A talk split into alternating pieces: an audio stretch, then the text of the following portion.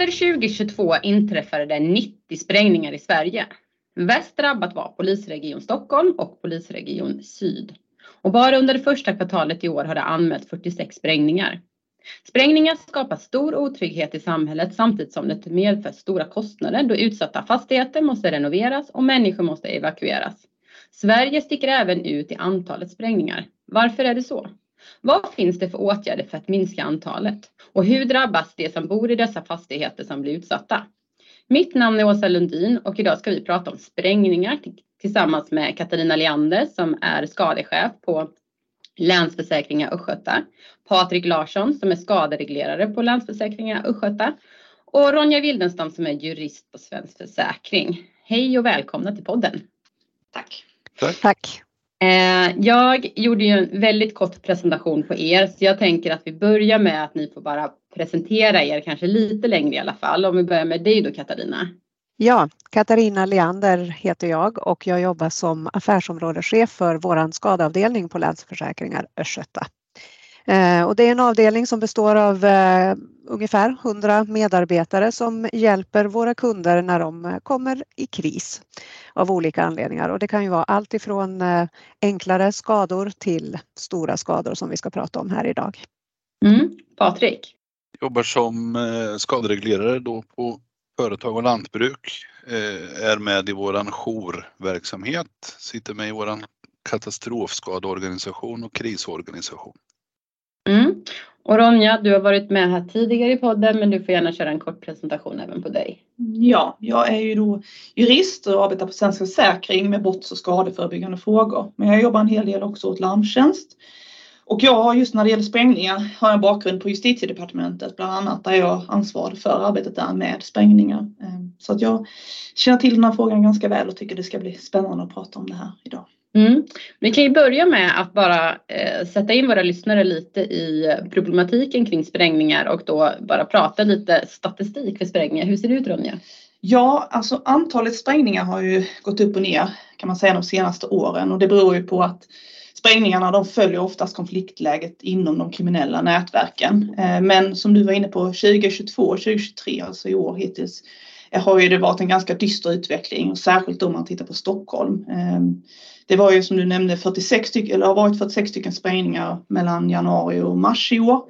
Och drygt lika många försök och förberedelser till sprängningar. Eh, och tittar man på förra året så var det ju 90 stycken och 101 eh, försök och förberedelser till sprängningar. Så det är ett ganska stort antal brott. Och när vi pratar om det här brottet så kan det vara bra att veta att statistiken, det gäller ju själva brottet allmänfarlig ödeläggelse. Mm. Och det är det sprängningar oftast är. Men en sprängning kan ju också bedömas eller försök till sprängning som brott enligt lagen om brandfarliga explosiva varor. Det är liksom de lite mindre kvalificerade handlingarna. Och de ingår ju inte i statistiken så det kan ju finnas ännu fler mm. gärningar. Eh, det är bra att känna till tänker jag. Mm. Men vad är det som man, man använder för att liksom kunna spränga? Ja, det varierar ju lite, men eh, det vanligaste är ju konstruktioner med dynamitsprängämne eh, och då används oftast tidsutlösta konstruktioner, men även fjärrutlösta så att man sitter på distans och utlöser dem förekommer. Man ser också att det ibland används handgranater, men eh, där har det gått ner en del de senaste åren. Det var vanligare för 5-10 år sedan. Mm. Och då kommer ju en ganska naturlig följdfråga. Vad, hur får man tag i det här? Var kommer, var kommer det här sprängmaterialet ifrån? Ja, om man tittar på börja med dynamitsprängämnen så är det ju sånt som används relativt ofta i civilsamhället, till exempel på byggarbetsplatser och liknande, vägbyggen och så vidare. Och där kan man ju se att kriminella kommer helt enkelt över de här sprängmedlen, sprängämnena genom stölder eller via anställda på byggarbetsplatser. Eh, det är ju väldigt problematiskt i sig. Eh, tittar man på handgranaterna så är det ju ofta så att de är insmugglade till Sverige, eh, framförallt då från Balkan. Mm. Och om vi eh, pratar mer om de här, eh, det här materialet som kommer då från arbetsplatser. Eh, finns det någonting där till exempel om man skulle märka upp godset som skulle kunna göra det svårare för, eh, för de här personerna att ta godset eller finns, finns det några åtgärder så sätt? Alltså det sker ju redan viss märkning idag. Alltså explosiva varor ska ju märkas. Eh, den här märkningen är dock lite, varierar lite men den är oftast ganska enkel att ta bort. Sen är ju märkning i sig inte någon hjälp vid de fullbordade brotten. Ehm, Utan, eller man ska säga efter detonation så finns ju så att säga inget av märkningen kvar. Det diskuteras ju lite om man skulle kunna tänka sig mer avancerade former av märkning, till exempel DNA-märkning och sånt mm. som man använder på cyklar. Men eh, utifrån den tillgängliga informationen, eh, MSB har ju tittat på den frågan, så är inte heller det något alternativ. I alla fall för de fullbordade brotten där detonationer har skett. Mm. Sen bara för att göra det här, nu ska jag inte försvinna iväg tråkigt juridiskt, men för att göra det ännu mer komplicerat så styrs ju det här på EU-nivå. Hur märkning ska ske. Så vill man få en förändrad märkning så måste man driva frågan där. Um, om vi pratar liksom om uh om de som drabbas av de här sprängningarna då, vad, vad, vad, vad hur drabbar sprängningar eh, samhället? Ja, alltså om man tittar först rent geografiskt så är det ju som du var inne på i början här att sprängningarna förekommer främst i våra storstadsregioner. Och det är ju Stockholm som sticker ut nu de senaste åren men även syd och väst då. Och det beror ju helt enkelt på att de flesta kriminella gängen och nätverken finns ju där. Men hela landet är ju ändå drabbat som vi strax ska höra om. Eh, tittar man på mm, liksom, mer vilka som de riktar sig mot så har det tidigare varit så att näringsidkare har ju varit de främsta måltavlorna, restauranger och liknande i utpressningssyfte. Men nu har det skett, skett en förskjutning mer att man riktar sig mot bostäder Eh, och det är ju såklart problematiskt både mot flerfamiljsbostäder där andra människor, rätt många människor förekommer men även radhus och villor har ju mm. varit utsatta. Och syftet är ju helt enkelt för att skrämmas. Eh, men eh, risken för personskador och att oskyldiga drabbas, alltså alla kan ju vara oskyldiga men icke kriminella, är ju överhängande så det är såklart, det skapar ju stor otrygghet för mm. oss alla. Mm. Um. Uh, jag tänkte på, jag nämnde här i, i inledningen att uh, när man ser på statistiken att eh, Sverige sticker ut i antal sprängningar. Eh, hur kommer det sig att vi har så mycket då sprängningar i, i Sverige? Alltså, det är inte helt lätt att förklara, men man kan, om man ska göra lite förenklat så kan man säga så här att de kriminella har, precis som med skjutvapenvåldet, byggt upp en förmåga och en kännedom om att man kan använda sig av sprängningar som ett påtryckningsmedel eller för att skrämmas eller hota eller skada någon. Som lite mer formellt kan man säga att det har skett någon form av normförskjutning. Där att det är nu ett helt acceptabelt handlingssätt att, att spränga i de här situationerna. Det i sig är en förutsättning. Eh, sen hjälper det inte att de här brotten är ganska svårutredda så polisen har inte direkt haft någon framgång med de här större sprängningarna som mm. har hänt. Eh, utredningsläget är komplicerat dels för att det är kriminella nätverk som ofta är inblandade. Dels för att detonationen gör att bevisläget är svårt. Mm. Dessutom så har vi en situation nu tillsammans med att kunskapen är uppbyggd att det finns ganska god tillgång på eh, legala sprängämnen kallar man, alltså de som kommer från byggarbetsplatser i Sverige. Och det finns nu en infrastruktur där vissa individer i Sverige har byggt upp liksom nästan som, de livnär sig, det, det är deras arbete att sälja vidare de här sprängmedlen till kriminella. Så den strukturen finns redan och det gör att det är svårt att bryta mm. trenden. Hur drabbar eh, sprängningar branschen. Du har pratat om, eh, om samhället och otryggheten och så, men om man ska se till liksom försäkringsbranschen som ändå ska stå och betala för, för det här. Eh. Ja, det tror jag att Länsförsäkringar sköter här ska strax utveckla mer, men man kan ju säga att det drabbar såklart branschen på, på olika sätt. Eh, vi har det här exemplet, den här radhuslängan som sprängdes i mars i Hässelby. Det var ju ganska omfattande materiella skador. Då kom ju flera försäkringsbolag tidigt in för att hjälpa till med återuppbyggnaden. Men det stannar liksom inte bara där. Det är en rad andra kostnader. Bara den i sig kan bli väldigt dyr. Men det är ju en rad andra kostnader. Personer ska evakueras. Det kan ju drabbas, folk kan ju drabbas av personskador och så vidare. Eh, så det kan bli på bred front branschen påverkas av det här. Men precis. Eh, och och jag tror att de flesta förstår att eh, just det här med sprängningar, det, det är ju stor otrygghet och det, det, det är en stor eh, tragik när det här eh, inträffar eh, i de här fastigheterna. Men precis som vi har nämnt innan så är det ju också stora kostnader och det medför ju stora andra konsekvenser också. Jag tänkte lite eh, Patrik och Katarina, eh, hur, hur jobbar försäkringsbolagen med den här typen då av, av ärenden? Ja, precis som inledningen här har sagt så börjar vi ju få lite erfarenhet av den här typen av ärenden, vilket är olyckligt. Eh, men samtidigt så måste vi lära oss av dem när de inträffar också. Mm. Om möjligt så vill ju vi jobba skadeförebyggande. Att försöka se samband och hitta mönster i den här typen av händelser när de inträffar. Göra analyser och, och hitta möjliga förebyggande åtgärder eh, om sådana går att identifiera. Mm. Eh, och då jobbar ju vi i nära samarbete med andra aktörer naturligtvis som också är intresserade av att förebygga den här typen av eh, incidenter som kommuner och fastighetsbolag och, och lokal näringsliv. Men eh, när skadan väl har skett sen, då är det ju eh, som Ronja också var inne på jätteviktigt att försöka ingjuta någon slags trygghet mitt i otryggheten hjälpa alla som är skadedrabbade som då är våra kunder eh, så effektivt och snabbt som möjligt så att man kan hitta någon slags normalitet i det man har utsatts för.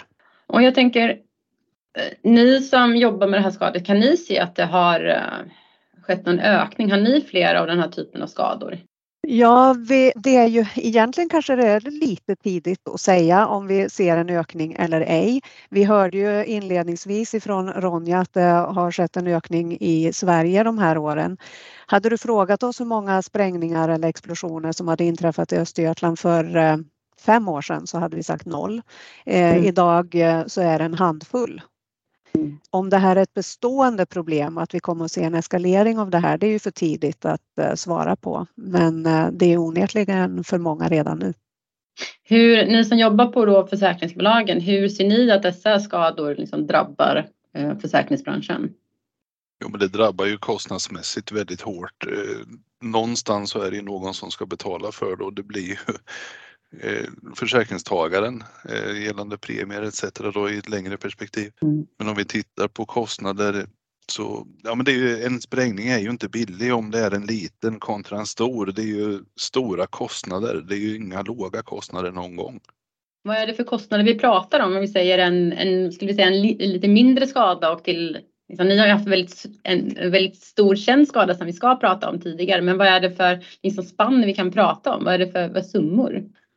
Men om man ska titta bara rent kostnadsmässigt om man tänker sig en lägenhetsdörr, bara en dörr i ett trapphus, att byta mm. bara dörr, material och arbete, där har vi 25 000 kronor. Eh, och tittar vi på ett entréparti till en eh, flerbostadsfastighet så ja, från 100 000 uppåt. Så att det, det är ju där en mindre skada ligger någonstans från 100 000 uppåt skulle jag säga.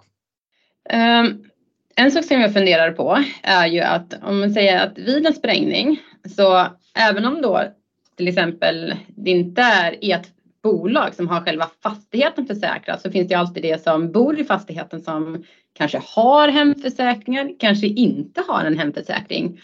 Om vi börjar med hur gör man liksom med sådana som då vad händer med de som inte har en hemförsäkring men som kanske är ganska hårt drabbade av, av det här, den här sprängningen? Det, det, vi har sett och det som vi har erfarenhetsmässigt som vi också kommer gå in på lite mer senare är ju det att en sån här sprängning, en sån grej är en stor insats för många delar då. Och då har ju det att vi är ju där och kommer ut till platsen och ska representera våra försäkringstagare och ta hand om dem. Och då finns det ju en organisation med restvärdesräddare, restvärdesstyrningen via brandskyddsföreningen. Och de kontaktar vi alltid om inte de redan är på plats för att ta hand om andra försäkringsbolags kunder och de som är oförsäkrade då. För att hur mycket vi än vill hjälpa till så kan vi bara ta hand om våra egna. Så ser det ut och så restvärdesräddningen är ju en stor resurs för oss eh, att ta hand om de som står utan. Mm. Hur fungerar det? Jag tänker att i, i en fastighet som det är så här flerfamiljshus så kan det ju vara eh, många olika hushåll som har olika försäkringar. Hur, hur sker en samordning då med de andra bolagen om man ska göra sanering och det kanske ska göras någon undersökning? Hur, hur pratar ni med varandra? Vi har en eh, de jag har varit med och inblandad i så har vi haft en väldigt bra dialog och gränsdragningarna är ganska tydliga där gentemot vad är fastighetens kostnad och vad kan läggas utifrån eh, en bostadsrätt eller en hyresrätt så att säga. Så den, eh, det ligger ju oftast i de delarna som är fastigheten. Man tittar där i och då är det fastighetens bolag, bolag då som eh, kliver in och saneringsmässigt så har vi ju ett par större aktörer i länet som de flesta försäkringsbolag har någon form av avtal med. Så att mm. Eh, de delarna är väldigt smidiga och få till faktiskt. Men om man till exempel har då fastigheten försäkrad och om man har liksom hushållen och hemförsäkringen i din utsatt byggnad. Eh, vem betalar vad? Vem står för vilka kostnader så att säga? Om vi har ett flerfamiljshus då, vi kan ta både hyresrätt eller bostadsrätt så att mm. ansvaret för ett återställande ligger hos fastighetsägaren mm. i en sån här händelse. Eh, och bostadsrättslagen och hyreslagen säger ju, är ju väldigt lika där att den boende är ju bara skyldig till reparationer eller återställande om det finns en vårdslöshet och en försummelse. Mm. Så att initialt så har vi allting i fastigheten. Sen om man har en bostadsrätt kontra en hyresrätt så kan det ju vara så i hyres eller i bostadsrätten ska jag säga så eh, ansvarar du då för ytskikt och lite andra saker då men det är lite vad stadgarna i bostadsrättsföreningen säger också vad du har ansvar för. Mm. Men grundprincipen är ju att fastigheten reglerar sitt och sen så mm. får man titta på vad eventuellt stadgar i en bostadsrättsförening säger. Då. Om man säger så här att eh, vi går en dyster utveckling till mötes med eh, fler sprängningar och eh, kanske fler sprängningar i vissa utsatta områden. Hur funkar det då med liksom försäkring av vissa fastigheter? Skulle, skulle ett bolag kunna välja att man inte vill till exempel försäkra ett hus för att man, man anser att det är en stor risk till exempel för, Ehm, för att försäkra det, det huset? Görs det den typen av riskanalyser eller hur, hur funkar det? Nej, det skulle jag säga att det inte görs. Eh, det, vi har ju svårt att förutse vart ska det smälla. Det är ungefär som att berätta att här kommer det börja brinna eh, i en fastighet. Det, det går inte att säga då och sen i, i vårat fall om vi har stora fastighetsägare så tittar man ju på en generell risk utifrån he, ett helt bestånd. Det, i dagsläget så går man inte in och markerar och tittar på vissa utan jag skulle säga nej, det går inte att göra och vi inom Länsförsäkringar och Sköta gör det inte.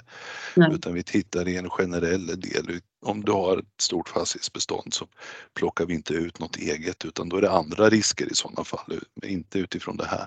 Ni hade ju en eh, väldigt eh, känd skada 2019 eh, i då Linköping när man Eh, sprängde eh, ett flerfamiljshus. Eh, skulle ni kunna berätta lite om, om det sprängdådet? Ja, tyvärr så kan vi berätta lite grann om det sprängdådet. Explosionen 2019 var ju en exceptionell händelse för det drabbade väldigt många av våra kunder och, och samhällsmedborgare samtidigt. Eh, och i det här läget så var vi väldigt glada att vi har den här beredskapsorganisationen som Patrik också har nämnt och som han ingår i, eh, där vi kan eh, beredskapsorganisationen är egentligen en organisation som vi aktiverar vid en sån här händelse som ligger utanför den ordinarie verksamheten. Och det är ju för att ordinarie verksamhet måste ju fortsätta att fungera. Vi måste ju hela tiden finnas tillgängliga för skadedrabbade kunder eh, generellt. Så beredskapsorganisationen aktiveras och då är det framförallt skadereglerare som åker ut eh, och besöker eh, de drabbade på plats för att säkerställa att vi kan hjälpa till där och då mitt i, i händelsen. Men eh, vi säkerställer också att vi har ett bra kommunik en bra kommunikation, både ut mot allmänheten eh, men även till våra kunder som har drabbats men också internt på bolaget för att säkerställa att vi har en så effektiv organisation som möjligt för att hjälpa till. Och som sagt, Patrik eh, var ju jour när det här inträffade och var ju på plats ute eh, vid explosionens kärnpunkt 40 minuter efter explosionen. Patrik, kan du berätta lite om det, hur det såg ut och hur stora, hur stora var de här skadorna så att säga? Det var ju väldigt många som var drabbade. Ja, eh, vi fick ju ett samtal till oss och till mig då utifrån en av våra försäkringstagare, en stor fastighetsägare, att det har skett en explosion. Eh, vi vill att ni kommer hit. Och då som Katarina sa så var ju vi på plats då eh, på en utsatt plats eh, 40-45 minuter efter explosionen. Och då fick vi ju inte se beroende på allting var avspärrat och vi visste ju inte så mycket om det här då. Men det här var ju klämdagen den 7 juni vi startade vår organisation inne, jag och ett par medarbetare var ögon på plats och stod egentligen och tog emot våra försäkringstagare och sen så började ett arbete att lägga upp skador, försöka hitta evakueringsboende etc. Då dels att visa oss på plats och sen att vi får igång det här arbetet här inne då. Så att i första läget så visste vi ju inte mer än att det hade skett. Sen när alla andra gick hem där på fredag eftermiddag så var jag kvar. Jag hade jour hela helgen så att jag Mm. tillbringade hela helgen på plats. Eh, mötte upp bostadsrättsföreningar, mötte upp räddningstjänst, mötte upp hyresgäster och försökte rodda helgen och överleva helgen för det var mitt mål att nu ska vi överleva till måndag morgon. Att alla ska ha någonstans att ta vägen och så, så får det här stora arbetet med resterande delar ta vid på måndagen sen då. Mm.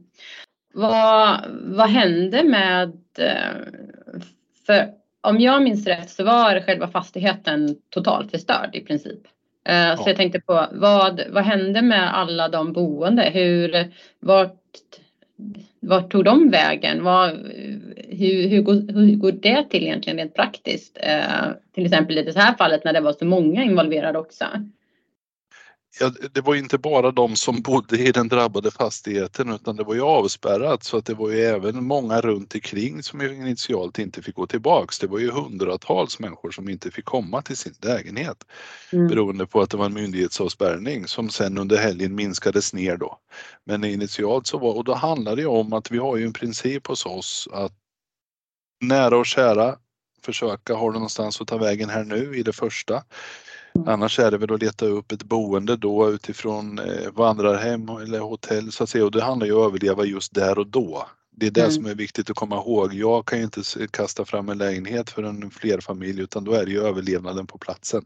Mm. Sen så börjar ju ett arbete men det, det är en, den, den fastigheten som varit drabbad är ju en av våra största fastighetsägare här i kommunen och eh, de har ju en jättefin organisation själva. Så de startade igång och fixa boende åt sina hyresgäster. Mm. Så vi behövde inte göra så mycket åt den drabbade fastigheten, vilket vi var jättetacksamma över. För att hade det varit en mindre utan en sån här organisation som de har, då hade vi fått jobba jättehårt och fixa det här boendet. Så att de tog hand om sina egna. Sen fick ju, är det ju så tyvärr att vid händelser så kontaktade vi dem för att försöka få till lägenheter. Men då fyllde ju de sina egna lediga lägenheter med sina egna hyresgäster så att då fick vi börja ragga andra eh, fastighetsägare som vi har samarbete med och den uppslutningen var jättefin och vi fick massor hjälp med. Ja, men vi, har, vi ska renovera en fastighet här men vi struntar i den renoveringen. Vi skjuter fram den för att Mm. hysa in våra kunder. Så att, Mm. eh, det gick jättefint att få tag, även att det tar ett tag då, men jag hade ju några samtal under helgen med att det var någon som skrek på mig att eh, hur ska jag och mina barn kunna bo i en etta? Jo, men vänta nu, nu handlar det om att vi ska överleva här och nu. Eh, du ska inte bo där ett år utan det handlar om, du har ändå ett tak över huvudet, över helgen, över en vecka. Det är det det handlar om. Eh, så att vi fick in alla och ingen stod utan under de här, i alla fall första veckan eh, innan det började bli en permanent boende under eh, renoveringstiden. Ja, för eh, ni skulle ju renovera hela den här fastigheten också och eftersom det var så stora skador så vad, vad, vad tog det för tid egentligen att, eh, att åtgärda skadorna och att innan folk kunde börja flytta in? Om vi tittar på den här fastigheten där explosionen var då, då är det ju den, det är en tvådelad fastighet, samma fastighetsägare. Den ena delen är sex våningar, bostadsvåningar och den andra är fyra bostadsvåningar. Så det är ju en ganska stor fastighet. Och, eh, jag tittade här nu och 13 månader tog återställandet av den fastigheten och det är ju den stora skadan. Så folk fick ju vara ifrån sina boenden då under över året. Eh, så att ett år tar det ju i en sån här skada. För Mm. där fick man ju plocka av yttertak och det var ju fönster och det var ju våtrum. Och, alltså det var ju en total, så egentligen kan man ju säga att det var stommen som var kvar och vissa delar fick man även förstärka upp den. Så att ett år är det ju en sån här skada. Och om vi pratar kostnader förut då utifrån en liten skada på 100 000 så har jag tittat nu och den här som vi har benämnt oss som Ådalagatan då, den har kostat oss 77 miljoner. Där har vi en stor skada, så där har vi spannet. Mm. Det är ett, ett, stort spann och eh, blir det stora skador så är det otroliga summor pengar vi pratar om helt enkelt. Um, jag tänkte på eh, Ronja, eh, vi, vi, vi pratade om att, att Sverige är lite mera utsatt. Eh, kan man se Finns det några åtgärder för att vi skulle liksom komma, komma ner med antalet sprängningar? Jag tänker på om, om vi sticker ut i statistiken jämfört med andra länder. Finns det saker som de gör som vi kan lära oss av? Eller finns det, finns det något annat vi, vi kan göra, göra för att liksom motverka antalet här i Sverige? Eh, det är ett ganska svårlöst problem och det vill man ju kanske inte säga för man vill ju komma med enkla lösningar. Eh, dels så har det skett rätt mycket dels så är det svårt att komma åt det här när det väl har bitit sig fast i samhället. Så jag, jag tänker att i alla fall på kort sikt så tror inte jag att det hjälper direkt eh, att ändra några befintliga lagar för flera ändringar har redan skett. Vi har skärpt straffen även för de här till exempel brott mot eh, lagen om brandfarliga explosiva varor, det här underbrottet har man skärpt straffen för. Eh, för några år sedan så ansvarade jag och några kollegor för att vi skärpte kan man säga tillstånds och lämplighetsprövningarna för alla de som ska ha tillstånd att hantera explosiva varor, alltså de här legala sprängmedlen. Eh, byggarbetsplatser, entreprenörer och liknande. Där skärpte man kraven, man skärpte samtidigt eller samtidigt så infördes kan man säga ett krav på att man ska kontrollera lämpligheten på alla de som på något sätt egentligen hanterar eller kommer i kontakt med sprängmedel på byggarbetsplatser. Man börjar kontrollera, alltså det kan ju vara flera hundra personer på en byggarbetsplats, det var en ganska stor förändring. Ehm, och det minskade ju, gick ju ner ett tag men nu det har gått upp igen ehm, och det kommer nog ta några år innan vi har full effekt där för det är ju liksom befintliga tillstånd finns och liknande. Men, men så det har gjorts rätt mycket. Ehm, det som jag tror är absolut viktigast eh, för att vi ska kunna vända den här utvecklingen det är nog att polisen får ha mer framgång i sina utredningar. Det, jag säger inte, det kommer aldrig vara alla utredningar, det kommer, så är det ju med alla brott. Men om man hade haft en, en lite större händelse som man också kan, som leder till lagföring, att någon blir dömd och får ett kännbart straff, det tror jag skulle ha stor effekt ändå på eh, motivationen att fortsätta göra det här. Det blir lite avskräckande. Precis. Och sen också såklart, kanske den viktigaste, att, att polisen fortsätter att försöka komma åt de som säljer de här sprängmedlen till de kriminella. Hittar man de här nyckelpersonerna, som förmodligen inte är allt för många, men som har en, det här är ju deras heltidsjobb typ, att eh, sälja vidare det här. Då tror jag att det också kan ha viss effekt. Man har ju sett det, det har ju slagit ut några sådana individer eh, och då har det haft ganska stor effekt, eh, men, men inte tillräckligt många. Sen kan man titta på en annan del som vi, som vi på Larmtjänst arbetar med, eh, Tullverket till exempel. Inte ur det här perspektivet kanske men det är ju ändå så att även om major, den absoluta majoriteten av de här sprängningarna eh, använder sig av dynamiksprängmedel och liknande legala så smugglas det ändå in handgranater också. Och där är det viktigt att Tullverket får mer resurser för att söka efter just handgranater och eventuellt andra sprängmedel som kan komma den vägen. Det finns ju kanske, det är lite svårt att undersöka ifall de kommer in på det sättet. Det finns inga jättetydliga indikationer men det går inte att utesluta. Mm. Så det är viktigt att, att det också sker. Eh, det är lite svårt att jämföra med andra länder. Du var ju inne på det där för att andra länders problematik med, med vissa undantag med sprängningar har ju varit mer terrorist kopplade och där har det skett förändringar. Där har man skärpt regleringen. Det kom senast 2019 en ny förordning som handlar om det här. Så där har man liksom gjort de, mycket av det man kan göra, även om det såklart hela tiden är så att man måste arbeta med frågan också ur terrorperspektiv. Utan jag tror att det som är dags det är helt enkelt för våra brottsbekämpande myndigheter mm. att, att ha lite framgång och liksom lagföra de som ligger bakom de här brotten. Mm.